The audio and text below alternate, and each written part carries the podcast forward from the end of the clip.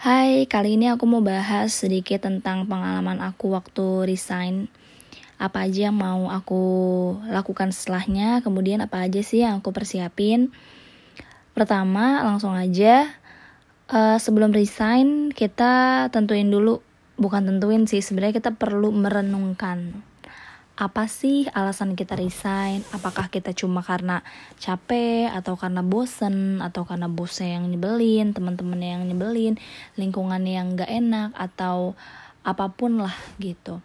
Sebenarnya alasan resign itu setiap orang beda-beda, tapi memang perlu di uh, renungkan, dipikirkan dengan sangat matang. Karena kalau di sini posisinya kita adalah tulang punggung atau di sini adalah kita posisi kepala keluarga, ketika kita memilih resign itu ada banyak hal yang harus dipikirkan karena terutama memikirkan hal orang-orang yang bergantung dengan kita gitu.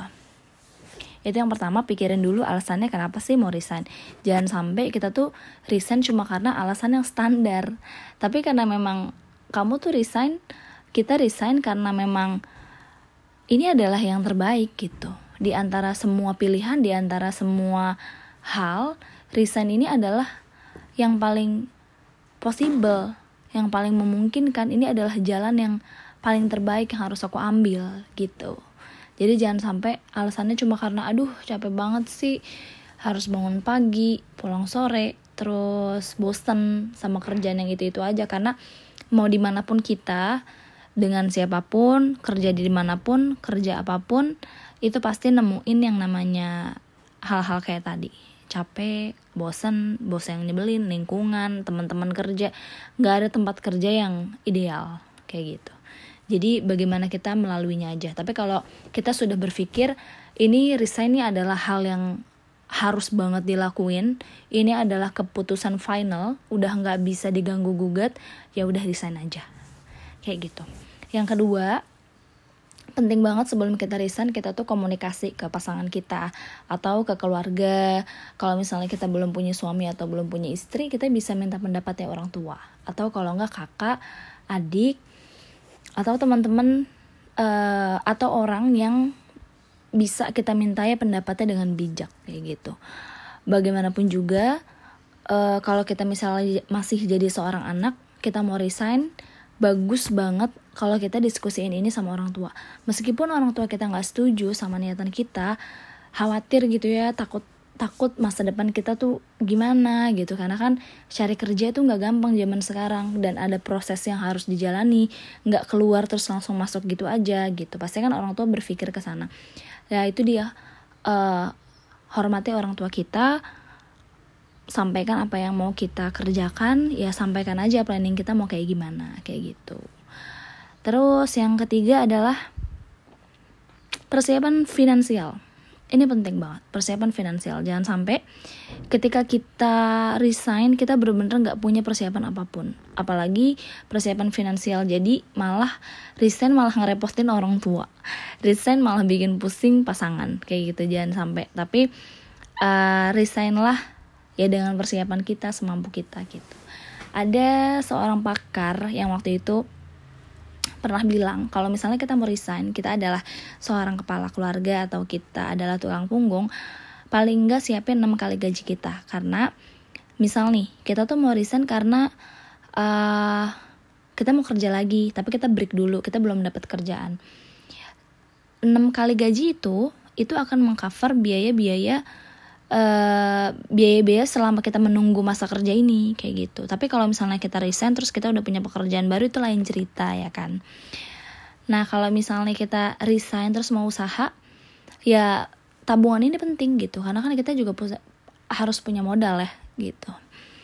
Jadi tetap tetap yang namanya persiapan finansial itu salah satu uh, planning salah satu hal yang harus kita persiapkan sebelum kita resign. Siapa enam kali gaji? Uh, lebih juga boleh.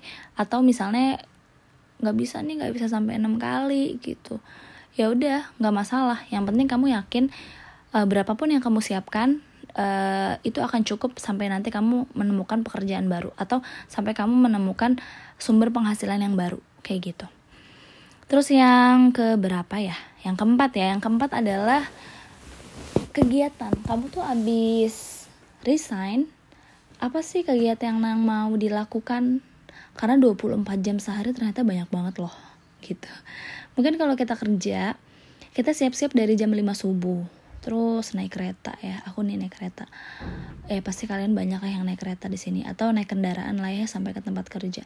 Siap-siap dari subuh berangkat jam 6 pagi jam 7 pagi nyampe kantor jam 8 jam 9 waktunya udah habis buat di perjalanan ya enggak terus 8 jam tiba-tiba udah sore kemudian kamu harus pulang lagi nyampe rumah jam 8 malam. Waktu kamu habis memang buat bekerja tapi nanti ketika kamu resign 24 jam itu adalah milik kamu ketika kamu bangun tidur sampai kamu mau tidur kamu harus pikirin pengganti dari semua itu tuh apa.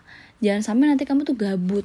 Kamu resign abis itu cuma nonton film doang nonton movie melakukan hal-hal yang gak bermanfaat gitu. Wah sayang banget sih kalau menurut aku. Jadi pikirin baik-baik kegiatan apa yang mau kamu lakukan sebagai pengganti 8 jam kamu kerja sebelum kamu resign ini. Pikirin baik-baik kamu tuh mau ngapain aja gitu. Jadi jangan sampai kamu nanti jadi tidur aja bener-bener yang uh, hidup terserah gue gitu ya. Jangan kayak gitulah gitu. Boleh boleh sih kayak gitu tapi seminggu awal resign aja anggap aja itu sebagai ganti kamu waktu kamu istirahat leha-lehanya kamu gitu. Tapi jangan keterusan gitu. Cukup seminggu tuh udah cukup tiga hari tuh udah cukup gitu. Jangan dilanjutin terus gitu. Nanti nggak bermanfaat waktunya Nah ini yang paling terakhir, uh, ketika kamu udah resign, planning selanjutnya tuh apa? Planning ke depannya. Apakah kamu memang mau usaha? Terus usaha ini mau sampai berapa lama? Goalsnya nih apa nih usaha ini gitu. Misalnya aku mau coba usaha setahun, kalau misalnya ini tuh nggak worth it, aku mau coba lagi setahun lagi, jadi dua tahun. Uh, atau sampai aku nih sukses gitu ya atau bagaimana gitu. Atau kalau misalnya aku mau usaha dulu setahun kalau nggak worth it ya ntar aku kerja lagi lah gitu. Atau misalnya aku cuma mau break tiga bulan selama break ini aku mau cari kerja lagi ya bagaimana gitu. Bagaimana uh, planning kamu ke depan buat hidup kamu tuh seperti apa? Kayak gitu soalnya harus dipikirin banget karena kalau misalnya kita resign terus kita mau cari kerja lagi cari kerja itu nggak mudah men nggak gampang gitu. Jadi harus dipikirin baik-baik. Ataukah uh, abis resign kita mau usaha. Satu lagi usaha itu juga nggak nggak mudah gitu. Usaha itu juga nggak mudah. Kamu harus punya jiwa entrepreneur yang kuat. Uh, ya banyak lah yang harus disiapin gitu. Harus punya mental yang kuat optimis gitu. Jadi setelah ini mau apa? Setelah ini mau ngapain? Gitu. Itu aja sih kalau dari aku yang eh, hal-hal uh, yang aku siapin sebelum aku resign, hal-hal yang mau aku lakukan setelah resign kayak gitu. Uh, semoga bermanfaat buat teman-teman semuanya ya. Terima kasih udah dengerin.